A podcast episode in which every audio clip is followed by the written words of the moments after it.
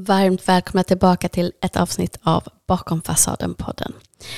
Idag har vi ett ämne som vi har berört förut många gånger, men idag ska vi prata också om livet efter narcissisten.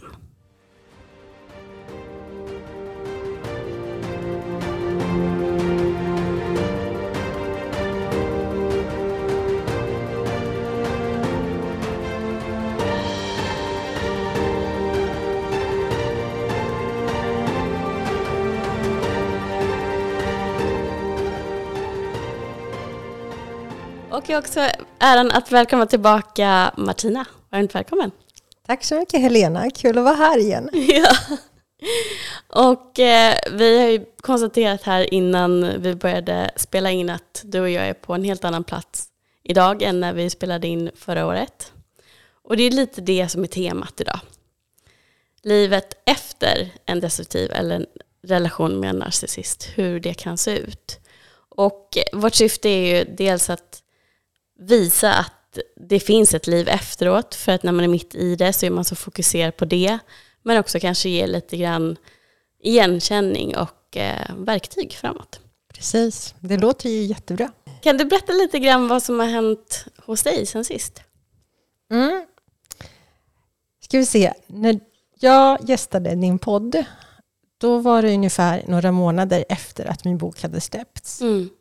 Det blev ju lite mer medial uppmärksamhet efter mm. eh, det. Eh, vilket ledde till att jag blev ju kontaktad mer och mer av personer som själva blivit drabbade mm. av destruktiva människor och eller narcissister då. Så att jag har ju börjat coacha dessa personer eh, nu. Eh, och det är ju jättebra att jag kan prata med dig idag, för att det, det har jag ju färskt nu mm. i minnet, de här coachande samtalen. Så att jag vet ju exakt, inte bara det som jag själv var med om då med Adam, mm. men också hur, liksom, hur problemen är i de här andra relationerna och andra, eh, de, hos de andra personerna som vi coachar. Mm. Vad de har för olika frågeställningar, vilka problem de sitter med. Eh, och jag känner mig, det känns ju himla härligt att kunna göra det, att vara liksom på den andra sidan. Exakt. Att ha passerat det här och att man är en överlevare. Mm. Eh, och kunna vara så stark att man kan stärka andra. Mm. Underbart. Din bok Genomskåda narcissisten var ju den som hjälpte mig också att inse att det inte bara var någonting jag hade hittat på eller fått för mig, utan att det här faktiskt var en giftig person. Sen kan absolut, det kan diskuteras och debatteras om man ska eh, sätta sådana etiketter på människor. Och det jag känner nu är också ja, snart ett och ett halvt år efter jag totalt har brutit med den personen vi pratade om då, är ju också att för mig blir det mindre viktigt att sätta etikett på vad det var. För det enda jag behöver veta är att det där var någonting som var giftigt för mig. Och det är någonting som jag också vill lära andra att undvika.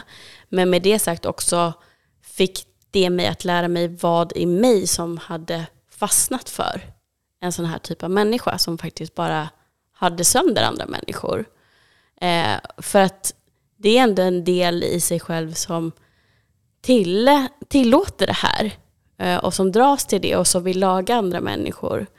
Och när det fortfarande är omedvetet så finns ju fortfarande risken att man hamnar där igen och igen. Så att på så sätt så, med risk för att låta sådär läskigt positivt, så finns det ju ändå någonting bra med allt som hände. Ja, exakt. Så är det. Ehm, det, det är som du säger, att fokus mycket låg ju på den personen, den giftiga personen. Vad är han? Eh, och man behöver ha någon slags, just som du sa, etikett för att man ska kunna förstå. Och det behövs, absolut. Men ibland så, så är det som att vissa fastnar i det där. Mm. Att man har så mycket fokus på den andra personen att man glömmer bort sig själv. Och att man behöver faktiskt släppa det där. eh, för att kunna gå vidare. Och mer se här, till sig själv. Vad behöver jag? Vad måste jag göra? Sätta sig själv i fokus, inte narcissisten. Mm. Och inte tänka så här, okej, okay, vad, vad gör han och vad, had, vad hade han gjort? Och hur, hur betedde han sig? Och vad betyder det här? Visst, alla, alla dessa saker behövs. Men jag tycker ändå så att det måste ju komma en tid när man bara kan släppa det där och gå vidare och fokusera på sig själv, på sin egen läkning. Mm. Jag upplever att när jag får frågor så är det den fasen, för att eh, vi kan ju dela in det här i faser egentligen. Mm. Att när man direkt har börjat ens förstå att man kan ha att göra med en person som har antingen en personlighetsstörning eller starka drag av narcissism, så känns det ju fortfarande ganska overkligt. Och jag tror det är där man främst har den här starka, starka lusten att sätta etiketten på den och nästan så diagnostisera den andra personen. Också för att verklighetsgöra för sig själv att det här faktiskt har hänt. I och med att man ofta, ofta har med gaslighting att göra. Och får höra att nej men det där har jag aldrig sagt och jag skulle aldrig och jada jada. Och alla andra kanske tycker att men det här är en jättebra person för de ser inte den sidan du ser. Och det är väl på så sätt jag verkligen kan hålla med om det du säger att det kan behövas. Men också hålla med om att det behövs också sen att skifta fokus och titta på sig själv. Och där upplever jag att många fastnar. Vad är din upplevelse där? Fastnar i? Att inte kunna fokusera ja, på exakt, sig själv. Exakt. Fokus Så, på den andra. Ja, exakt. Och det blir väldigt mycket... Eh, alltså jag läser både... Jag är med i olika grupper och läser vissa inlägg och kommentarer och frågor som ställs till mig. Eh, att det är väldigt, väldigt, väldigt mycket fokus på narcissisten. Och det i sig gör ju att man inte kan komma vidare. För att man gräver djupare och djupare i det där. Eh, istället för att bara konstatera att det är så läget är. Och det är svårt att förstå att den här personen som jag blev kär i, att det liksom byggde på, liksom, på falskhet och, och bara skådespeleri. Men på något sätt så måste man liksom acceptera det. För oavsett hur mycket man än gräver och försöker förstå så kommer det inte bli en förändring hos den här personen. Så det är liksom bara slöseri med tid egentligen. Mm. Eh, det man däremot ska göra det är liksom mer just fokusera på sig själv. Eh, för att inte tappa tid som är jätte, jätteviktig. Jag börjar mer och mer inse att tid är jätte, jätteviktigt. Tiden kommer ju aldrig komma tillbaka. Mm. Och ju mer man fokuserar fast relationen har tagit slut så är man ju fortfarande på något sätt i den här relationen. Mm. För att man, man är inte klar eftersom man fortfarande liksom går tillbaka. Man går tillbaka till den personens kanske konversationer. Man läser, man analyserar, man går in på sociala medier och bevakar den här personen. Så att man sitter hela tiden med den här personen, hela tiden färskt i minnet. Mm. Det blir liksom top of mind. Då är det den här personen hela tiden. Och jag tycker man ska liksom våga släppa. Våga släppa och då fokusera på sig själv. Jag tycker att det är liksom en, ett superviktigt steg i den här läkningsprocessen. Att skifta fokus. Mm. Det jag har förstått också sen jag satte mig in i mer vad traumatisk bindning är för någonting, är ju att jag inser att det är så otroligt likt ett missbruk av narkotika. Och jag tänker att just det här när man kanske förstår att man är, eller att man har problem i alla fall med det så här, ja men tänk att man festar och, och tar kokain varje helg och vill inte inse att man är fast.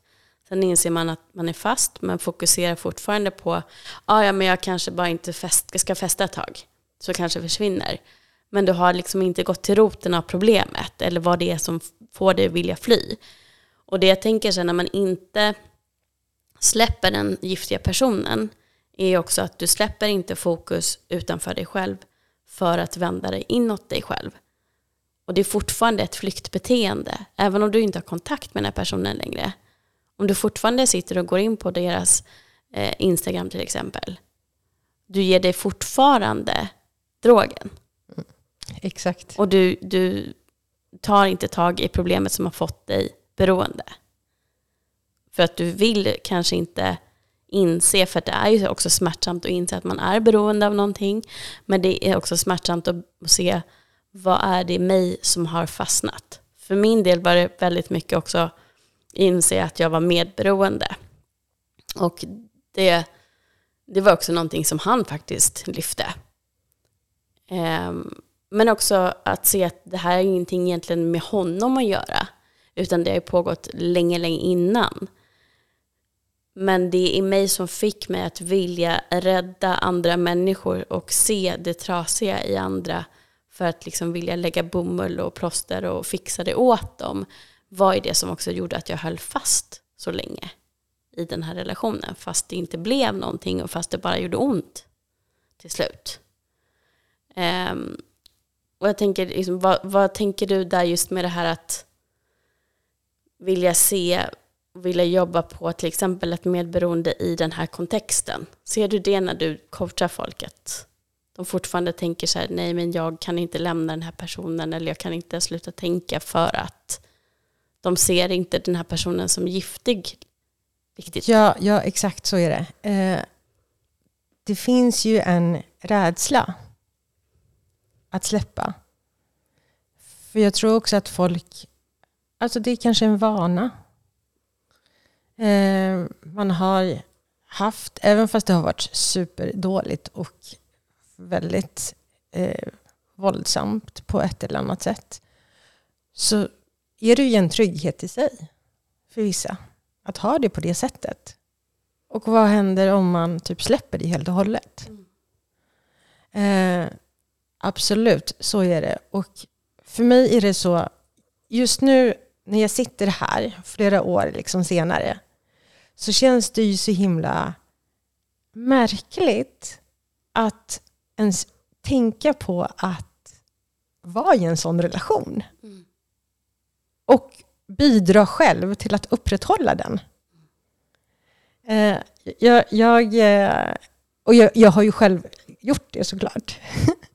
men, men det bara känns så himla konstigt att man inte har insett att man själv har faktiskt makten att påverka och röra sig därifrån. Verkligen. Det är det. För man tänker så här, man lägger så mycket i händerna på den här andra personen. Att man lever den andres liv. Man är liksom bara någon slags liten knähund som följer efter och gör som den här andra personen vill. Och allting ska ske på den andres personens villkor. Men man är faktiskt sin egen person. Och jag tycker att det är liksom viktigt att förstå att man, alltså ju, ju längre man är i en sån relation, desto svårare blir det att lämna och komma till den här insikten. Men det går att göra det. Och man har ju...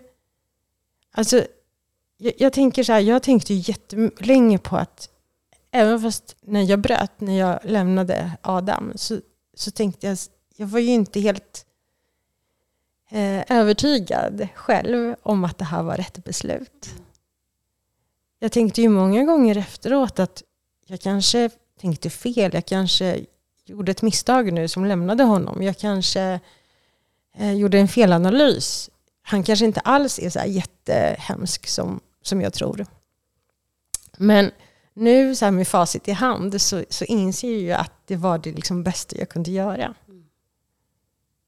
Ja, gud. Det där känner jag igen också, att man gaslightar sig själv. Ja.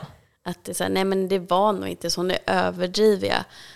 Och där är det så viktigt att liksom ha skrivit ner någonstans eller ha pratat om det någonstans där du kan gå tillbaka och påminnas om, fast det här hände.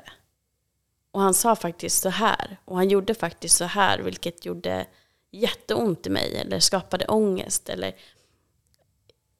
alla gånger de bara stänger ut en. Hur smärtsamt är inte det? Och det, här, det som är så vanligt också är ju att vi som dras in i det där har redan ofta övergivna sår. Vi har ofta en anknytning som gör att vi vill bonda genom att berätta för mycket, oversharing. Så de vet så mycket om oss därför att de har hittat på saker om sig själva eller berättat som det är, för att de har ju oftast ett trauma själva. För att också vi ska berätta om våra trauman eller problem, osäkerheter för dem. Och sen vänder de och använder det mot oss. Och då spelar det egentligen ingen roll om den här personen också har visat fina egenskaper, vilket i och för sig oftast var skådespel, men du vet, att det liksom, även om, om man ska behöva övertyga sig själv om att det faktiskt var farligt för mig, det räcker med att tänka att ja, fast han gjorde det här medvetet, fast han visste hur ont det gjorde i mig. Och då tänker jag att det, det tappar också lite det här viktiga med att sätta etikett. För det spelar ingen roll. För det här räcker för att jag inte ska vilja ha med den här personen att göra. Och det händer ju också i takt med att man bygger upp sig själv, faktiskt vågar fokusera inåt och hitta tillbaka till den man är. För man tappar ju sig själv i en sån här relation. Och det tar tid och ju längre tid du har varit där desto mer har du tappat av dig själv. Och sen när du börjar hitta tillbaka till den här glöden som ändå har funnits liksom står upp för dig själv. Och för mig också hitta tillbaka till att känna ilska som har varit så undantryckt hela tiden. Det har varit helt... Alltså, det känns nästan som att jag har blivit liksom vuxen en gång till och hittat tillbaka till den personen jag var för länge, länge sedan. Som jag verkligen är. Så det, det är så himla fint att man kan göra det efter en sån här händelse. Men också att tänka på att det är, det här, det är dit jag vill. När man känner att man är fast vid att inte våga släppa taget. Utan, men vem vill du vara? Vad vill du göra för dig? Vem är du idag? Vet du ens vem du är idag? Alltså de som jag har coachat, det är övervägande andel kvinnor. Eh, men det finns ju vissa män också i det här.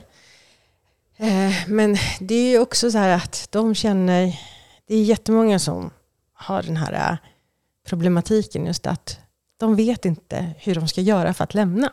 Mm. De vet inte hur de ska göra rent praktiskt och hur de ska tänka rent mentalt. Mm. Hur går man tillväga? De vet ju att det uppenbart är någonting som inte står rätt till. De vet ju att den här personen får dem att må dåligt. Men de vet ändå inte hur man ska liksom ta steget. Men jag tänker så här, det är väl lämna. Alltså, bara lämna. Det, det finns ju liksom ingenting egentligen man kan göra annat. För det, man kan inte föra en diskussion. Man kan inte eh, få det liksom att eh, ja, men på lika villkor att det ska bli liksom jämställt och att det ska finnas en förståelse och en, att man liksom lämnar snyggt. Eh, utan man behöver bara göra det väldigt drastiskt. Eh, att bestämma sig och sen bara göra det.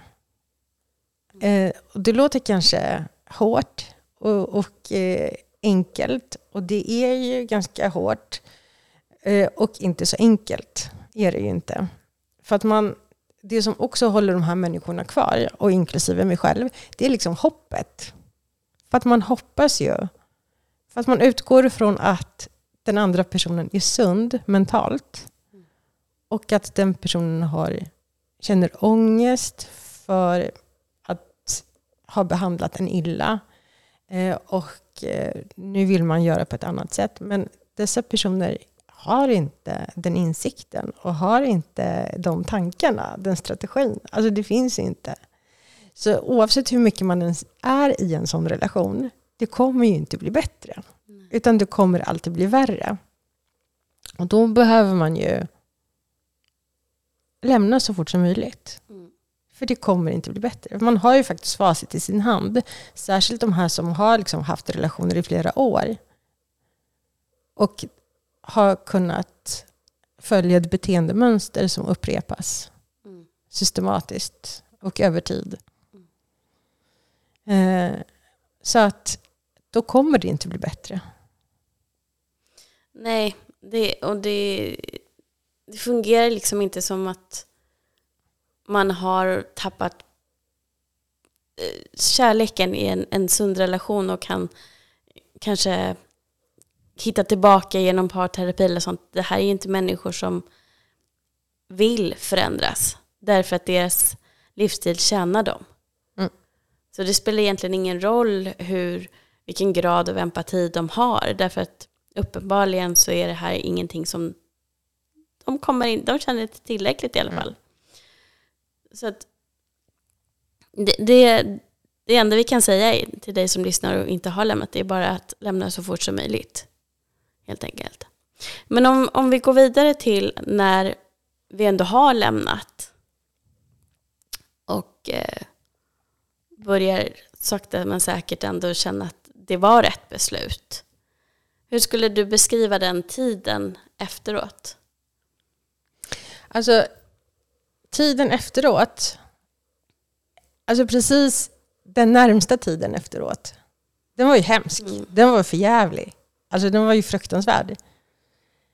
Jag ville typ dö. Det, det, det fanns ju inte, jag kände inte att det fanns en mening med mitt liv. Utan jag ville bara liksom radera mig själv från jordens yta och bara försvinna. För det var fruktansvärt. Det var fruktansvärt, just det här beroendet som vi pratade om. Att jag ville ju tillbaka till det här toxiska. Men ändå så hade jag ändå en gnutta av självrespekt kvar.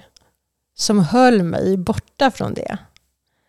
Eh, så att jag liksom ja, men, satte ner foten för mig själv och bara bestämde mig att jag kommer inte höra av mig till honom. Eh, men det var ju en fruktansvärt hemsk tid. Jag drabbades av minnesförlust. Jag fick depressioner. Jag var liksom, ja, eh, började ta antidepressiva. Eh, så den närmsta tiden är hemsk. Och det ska man ju inte liksom sticka under stol med. Utan det kommer ju bli hemskt. Det kommer bli hemskt och man kommer ju vilja gå tillbaka. Och det är många som går tillbaka också just då. För att man kan inte stå ut med det här hemska som man, som man känner. Som man behöver mötas eh, av. Eh, den här liksom tomheten och rädslan och eh, för total förvirring. För liksom dels vad man, är det här vad man har liksom upplevt och hur kommer det bli nu utan den här personen. Eh, men sakta men säkert så, så läker ju man. Alltså man läker, det går framåt. Man börjar må bättre, man gråter inte lika mycket. Man känner sig inte att man behöver isolera sig lika mycket. Man når ut till människor. Och sakta men säkert börjar man liksom reclaima tillbaka sitt liv. Mm. Som du sa, det var fint sagt det här med att du sa bli vuxen på nytt. För att man har liksom levt i ett vakuum. Eh, och sen liksom börja sakta men säkert lära sig om livet igen. Um, men det är första tiden är ju, gör ju jätte, jätteont. Men alltså nu när det har gått flera år, alltså gud vad jag är glad. Det var liksom mitt livs bästa beslut. Att lämna honom. För jag tänker också så här, vad hade hänt om jag inte hade lämnat honom? Den här situationen hade ju fortsatt fram till nu. Han hade ju levt dubbelliv hela tiden. Han hade ju betett sig på exakt samma sätt hela tiden. Han hade inte kommit till några insikter. Han hade inte gjort några förändringar. Jag hade varit kvar i samma situation. Bedjande, eh, liksom levt efter hans villkor. Eh, gjort allting vad han har velat. Låtit honom styra och bestämma saker. Eh, så att jag hade ju varit i, den, i samma situation. För jag var i den tre och ett halvt år. Eh, så jag tänker, jag vill inte förlora mer tid på det här. Så att jag mår jätte, jättebra när inte jag har med honom att göra. Mm. det är så viktigt det du säger och det är så viktigt som du sa förut också, det här med tiden. För jag tänkte också så här, just när du säger vad hade hänt om jag hade stannat, och jag tänkte också vad hade hänt om jag hade stannat.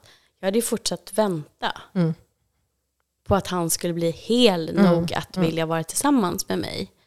Medan han liksom hade massa andra liksom under sidan, vid sidan om. Ehm, och det har ju att göra med, och det jag menade med att bli vuxen igen handlar också om att i och med att han triggade väldigt mycket sår hos mig som redan fanns där, så agerade jag ur såren. Och såren är inte skapta av ett vuxen jag. Utan såren är skapta mycket i mina tonår till exempel. Så jag var, var ju otroligt omogen också under den här perioden. Jag, det var som en tonårstjej liksom levde rövare in, inuti mig. Och bara känna att idag känner jag att jag, jag tar beslut utifrån den vuxna kvinna jag faktiskt är. Det är också sån vinst och det tänker jag också till dig som lyssnar och, och känner att du går och väntar. För det är ju inte ens alla som gifter sig eller skaffar barn med sina narcissister. Utan det finns ju också väldigt många som hamnar i sådana här eh, relationer där det finns flera personer inblandade. Eh, eller en person som kommer och går i ditt liv och aldrig riktigt blir din så att säga. Det är också jättevanligt.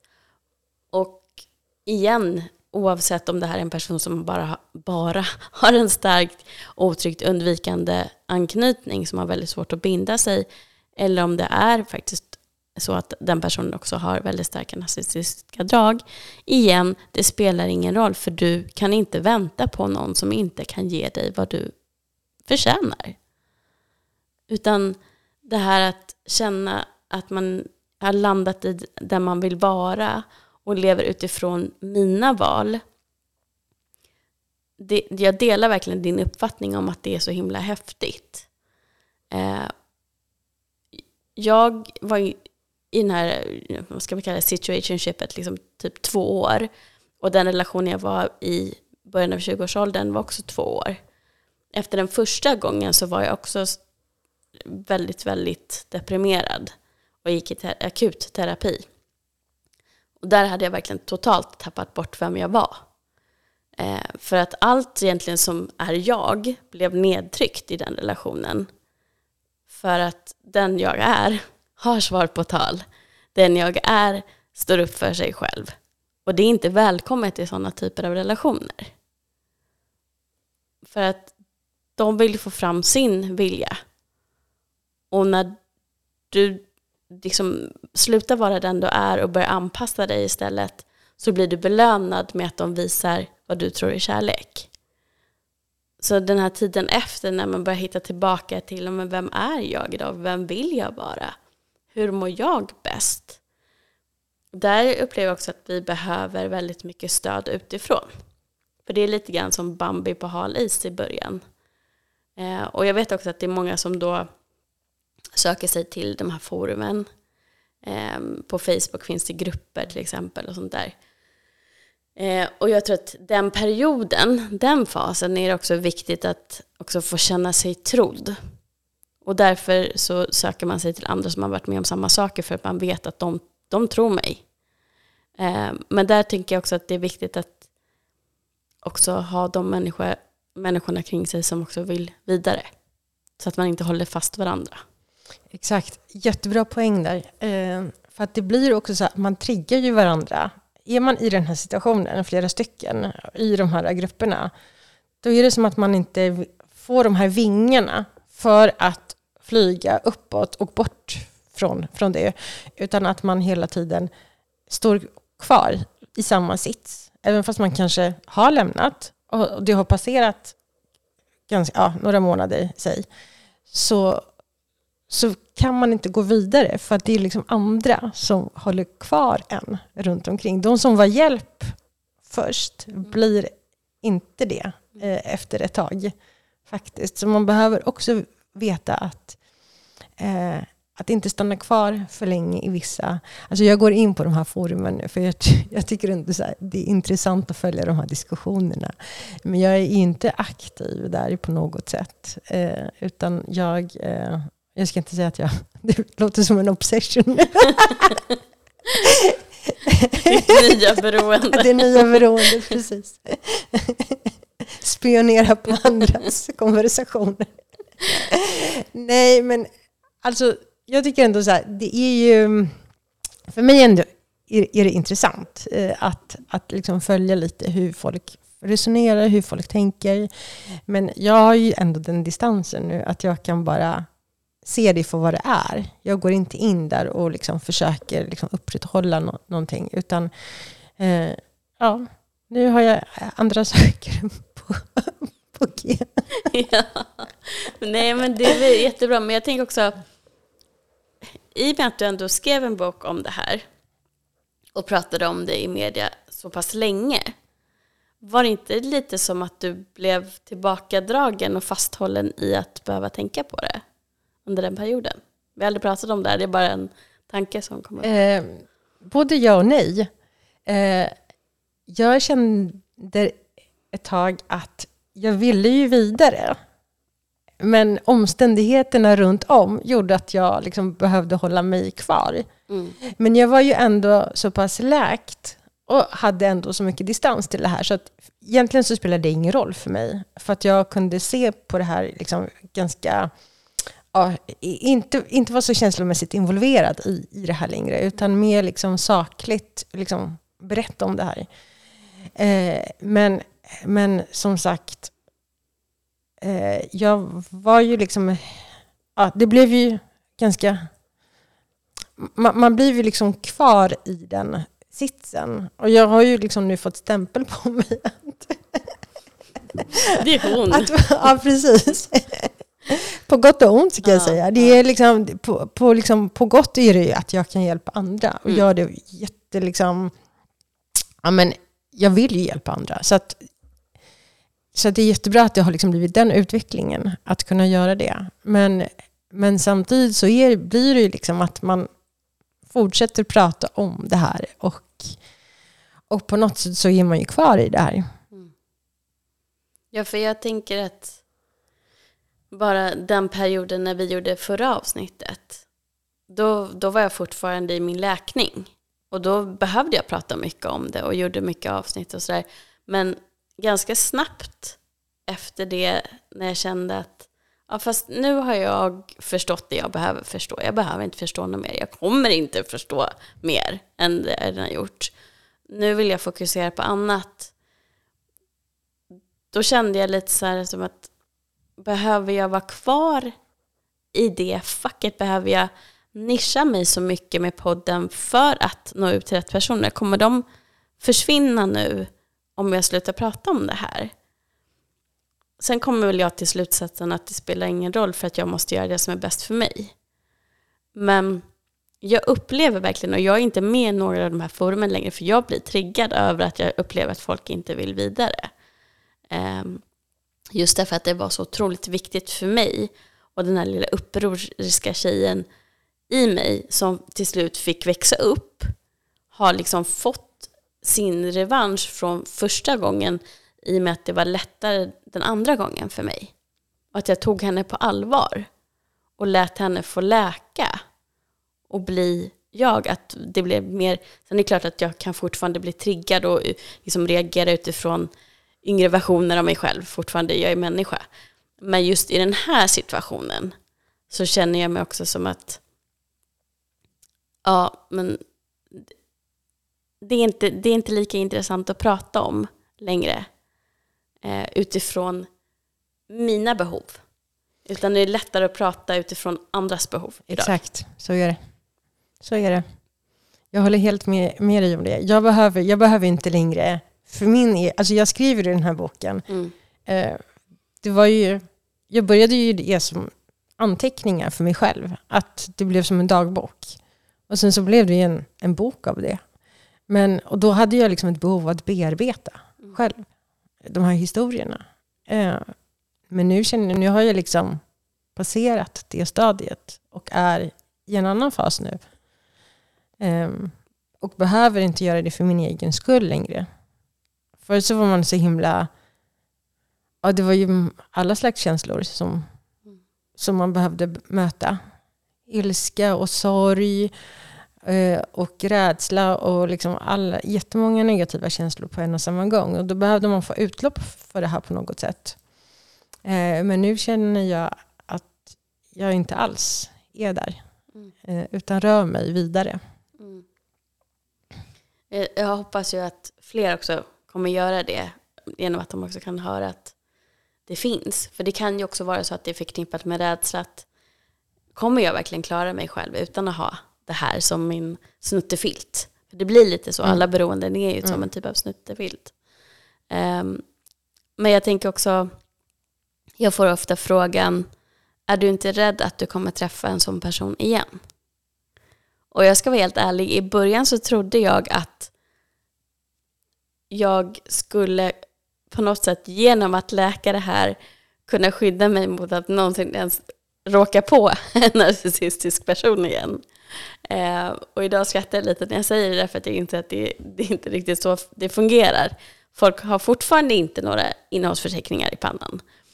Däremot så är jag trygg på så sätt att jag tror att, eller jag vet, att jag känner igen de tecken och de drag som inte jag är attraherad av längre fortare.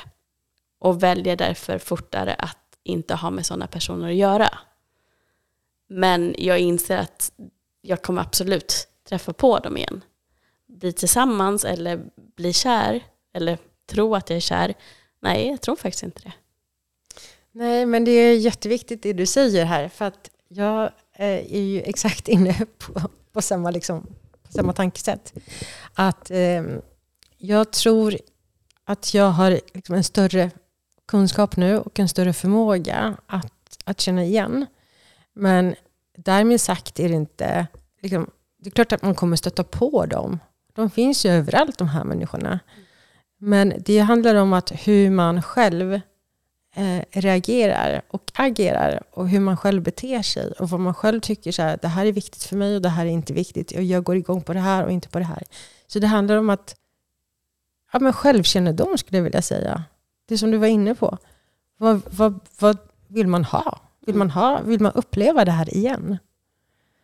Men jag, jag tycker också så att efter nu att vi båda har liksom varit med om det här, att vi nog är trygga, inte bara inom oss själva, men trygga i att vi kommer kunna stå emot och säga nej. För att vi vet ju, att, vi vet ju hur det slutade förra gången. Mm. Och att gå tillbaka känns inte lockande för mig. Nej. Varken till Adam eller till någon med liksom liknande drag, liknande beteende. Mm. Känns ju helt ointressant.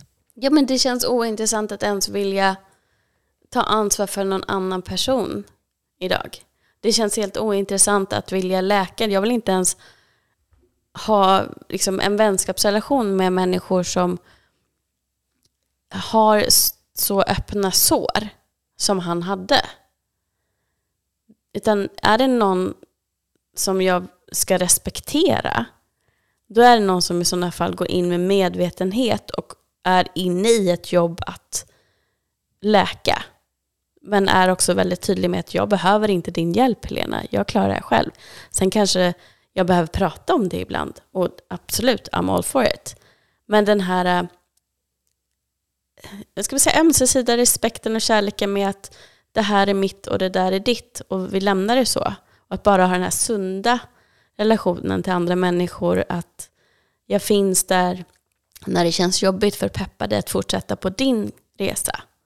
Inte att jag ska bära dig längs din resa. Det är väldigt stor skillnad från förut när jag gärna ville tala om för dem exakt hur de skulle göra för att jag hade lösningen på alla deras problem. Men det är inte mitt ansvar, det är inte min skyldighet och det är inte min rätt. Och då har det också i takt med att jag har lärt mig det och läkt den delen av mig som ville göra det för att vara värdefull. Jag vet att jag är värdefull bara som jag är. Det blir mycket mer attraktivt för mig att ha människor i mitt liv som jag känner att jag kan bara vara jag med. Och sådana människor, det är ju liksom exakt tvärtom i interaktionen med dem. Exakt. Så då blir inte de automatiskt valda av mm. mig. Mm. Så, så att det, egentligen, nu känns det så enkelt när man bara sitter och pratar så här. Jag vet att du förstår, men jag vet också att hade vi sagt det till oss själva för några år sedan så hade det varit jättekonstigt. Mm. Exakt. Vadå? Nej men alltså jag trodde ju på riktigt att mitt liv skulle gå under. Efter jag hade lämnat. Alltså jag mådde så himla himla dåligt. Och att då höra så här, men det kommer bli bra. Mm, jag, då hade jag känt bara, ah, men vilken klyscha, sure. Ja. Gäller kanske alla men inte mig hade jag säkert trott. Men det, alltså det kommer ju, alltså det låter ju som en klyscha. Men det kommer ju bli bra. Men jag vill också så poängtera att bara för att man har lämnat betyder inte det per automatik att det kommer bli bra. Utan man måste ha verktyg att jobba med sig själv. Man måste kunna veta hur man ska göra. Och att just sätta sig själv i fokus. Eh, Och ett av de här verktygen är det som vi har pratat om. Att just inte tänka så mycket på narcissisten och gräva fortfarande, liksom upprätthålla sig vid, liksom, vid den personen. Utan att man utgår från sig själv. Mm. För att tiden i sig kommer inte göra att, att det blir liksom, att man läker. Utan man måste veta hur man ska, hur man ska göra. Exakt. Och där känner jag mig ändå ganska lyckligt lottad som inte behöver ha med den här personen att göra. Visst, vi bor i samma stad, men det är det enda. Den är tillräckligt stor för att jag inte förhoppningsvis behöver se honom någonsin igen. Men jag tänker på de som faktiskt måste fortsätta träffa den här personen för att de kanske har gemensamma barn eller djur. Vad har du för tips till dem? Så jag skulle säga, alltså hålla kontakten så kort och så neutral som möjligt. Eh, hitta ett forum där man bara, alltså om man använder liksom en mailadress till, till att hålla kontakten. Och typ bara prata om det som berör er två. Om det är liksom det gemensamma barnet. Jättekonkreta saker. Alltså jag vet ju personer som har barn. Jag tycker det är fruktansvärt synd om både de här personerna och om barnen. Eh, Men det är, en, alltså det är fruktansvärt det de här personerna måste gå igenom. Med liksom ett, en fortsatt kontakt med den här narcissistföräldern. Mm. Det är hemska saker. Men det som de har också gjort det är att liksom försöka hålla sig så himla mycket. Alltså bara prata kring det praktiska, kring hur man liksom, ja, logistiken eh, kring barnen. Att barnen ska till tandläkaren och hämtas och lämnas och vem gör vad. Alltså mer sådana här hur, var, när. Mm. Och inte dras in i långa diskussioner. Inte försöka liksom gå igång på. För att de kommer ju fortsätta vilja provocera. Mm. Så att inte gå igång på det utan förhålla sig super, super neutral. Mm. Alltså, även om den här personen skulle säga att ja, men jag har förstått nu och jag vill komma tillbaka. Eh, är inte bäst för barnen att vi ändå blir en familj igen och sådana saker. Du måste ändå stå fast och bara svara gympa på sig imorgon. Mm, Typ. Sådana exakt. saker. Exakt. Alltså sen kan du ju såklart prata om hur det känns med dina nära vänner eller din familj, folk du litar på och är trygg med. Men att hålla sig så kort Mm. och inte svara på de här krokarna som läggs ut för att Mm. försöka få tillbaka. För det de vill tillbaka, ha tillbaka egentligen det är ju att du är en tillgång till dem. Att du ge, har gett dem kärlek och uppmärksamhet. Inte att de vill ge tillbaka kärlek till dig. Exakt. Så är det. Tyvärr. Mm. Och det, jag förstår att de spelar på allting som får dig att känna ja, att du har förstört familjen eller att du förstör för barnen som inte får. Men tänk att du har räddat barnen också från mycket. De får en förebild som har lämnat någonting giftigt som har gjort henne eller honom illa. Och ju äldre barnen är så ser jag ju också att tyvärr så, så tar ju de skada också. Men jag tror fortfarande att där behöver man verkligen, där ser man verkligen hur viktigt det är att bygga upp sig själv igen och få den här tryggheten och styrkan tillbaka. Att, och ilskan tillbaka som hjälper dig att stå upp för dig själv. Just när du har barn som du behöver vara förebild för. Att även om barnen kanske inte vill tro att den här föräldern är narcissistisk och kanske till och med tyvärr har tagit efter vissa beteenden. Om du fortfarande står fast vid att vara neutral och inte prata illa om dem framför barnen. Men samtidigt vara ett stöd om det är så att de far illa. Jag förstår att det här är mycket lättare sagt än gjort. Men det är det bästa du kan göra i den här situationen. För att ju mer du ger av känslomässiga reaktioner och sånt där, det är tillgång för en narcissist. Fortfarande. Absolut, och de kommer ju göra allt för att just sänka dig som förälder och skapa situationer där du ska på något sätt agera, reagera och spela efter deras pipa. Det är ju det de vill. Mm.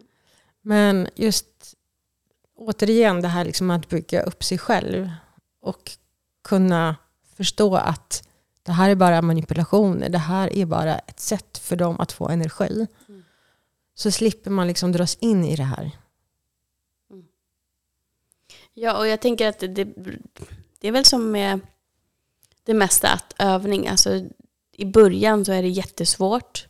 Men ju fler gånger du har gjort det, desto lättare blir det.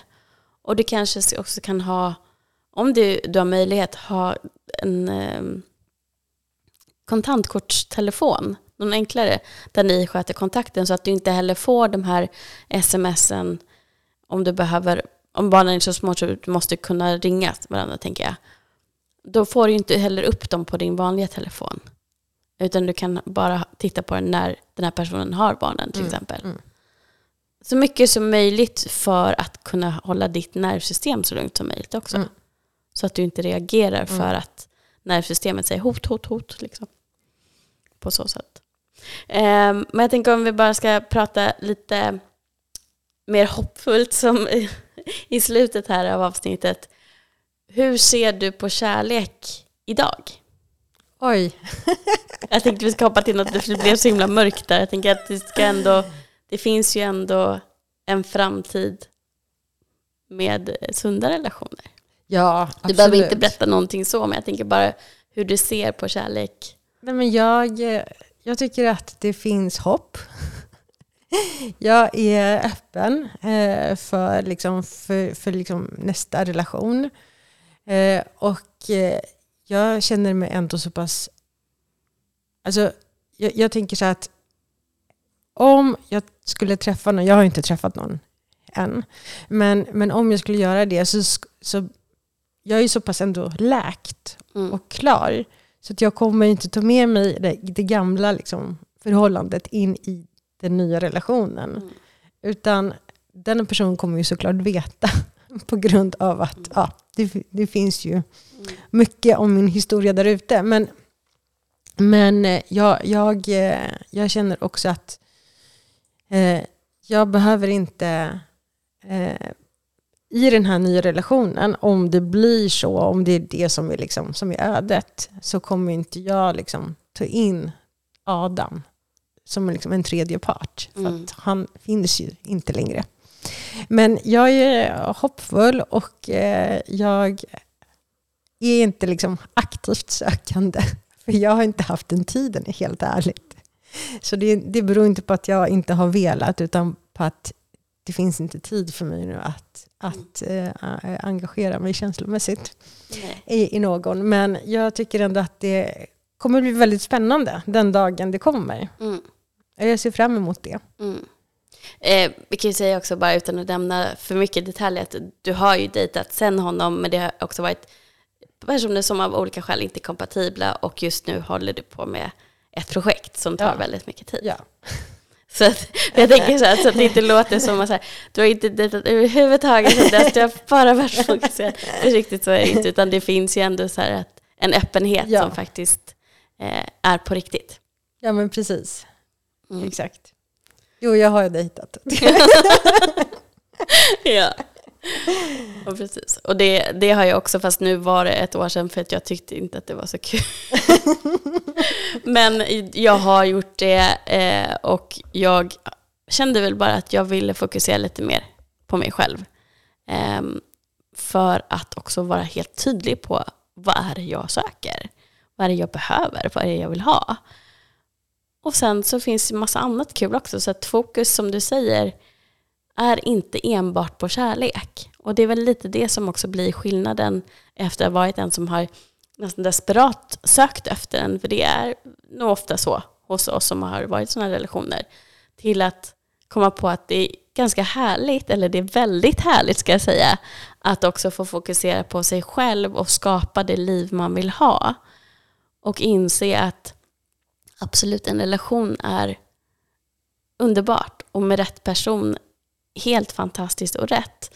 Men jag behöver inte det för att vara lycklig. Det är väl det som är den absolut största skillnaden. Så att jag hoppas verkligen att de som lyssnar också kan ta med sig till sina inre barn som behöver dem mer än allt annat. Att den här perioden när man också fokuserar på sig själv är också väldigt givande och belönande. Och sen eh, behöver man kanske inte fastna där, men jag tror också att det, det behöver få ta sin tid.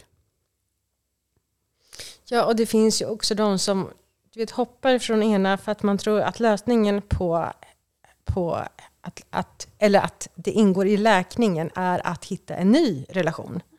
Så att man, man tar det här steget supersnabbt. Man har lämnat och sen så boom är man liksom där ute i, liksom, i Tindersvängen igen. Och, och rätt vad det är så har man liksom skaffat en, en ny partner eh, jättesnabbt utan att ha hunnit läka. Eh, och då är ju en stor risk då att man hamnar där igen. Mm. För att man har ju inte hunnit sätta gränser, man har inte hunnit bygga upp sig själv, man har inte hunnit göra de här viktiga sakerna för att kunna hantera osunda människor. Exakt. Och jag tror också att eftersom det ofta blir en narcissisten går vidare före offret så kan det också vara triggande att varför får han eller hon eh, känna lycka igen före jag får göra det. Och det, det kände jag själv. Men jag tror också att i andra andetaget så inser man att nej, de fortsätter ju bara samma sak med en ny person. Och det kanske kan se annorlunda ut på ytan. Men du vet ju hur den här personen är. Och du vet att de inte är kapabla till att känna det som du kommer få göra sen när du är läkt och, för, och liksom är redo för att träffa en sund person. Så att låt det få göra ont och låt alla känslor få komma fram som förknippas med det. Men lämna också det bakom dig och gå vidare med vetskapen om att det du kommer träffa och det du kommer uppleva sen när du har läkt och kan gå in i en sund relation, det är liksom mil från vad den här personen någonsin kommer kunna känna och uppleva. Så är det. Eh, jag tänker avslutningsvis, om man vill komma till dig och bli coachad, hur når man dig lättast? Eh, antingen via Instagram. Det finns eh, under namnet en författare. Eller så går man in på min hemsida. martinaskowronska.se och eh, där finns det kontaktuppgifter. Man kan mejla till mig. Mm. Så kan man göra. Så som vanligt så kommer jag också länka de här uppgifterna i beskrivningen. Så gå dit och eh, titta om du vill söka hjälp och du känner att du behöver stöd för att gå vidare eller om du känner att du har fastnat i din läkningsprocess. För då kommer du få någon som förstår och vet exakt hur det är men också kan ge dig tydliga verktyg för att komma vidare. Tack så jättemycket Martina för att du har kommit tillbaka och gästat Bakom fasaden-podden. Tack så mycket Helena. Hoppas vi ses igen. Det gör vi säkert. Men då kanske vi ska prata om våra nya kärlekar nästa år. Inte hundarna nu, men Ja, vem vet? Ja. Tack så mycket eh, också till dig som har lyssnat och eh, till dig som delar det här med de som behöver det.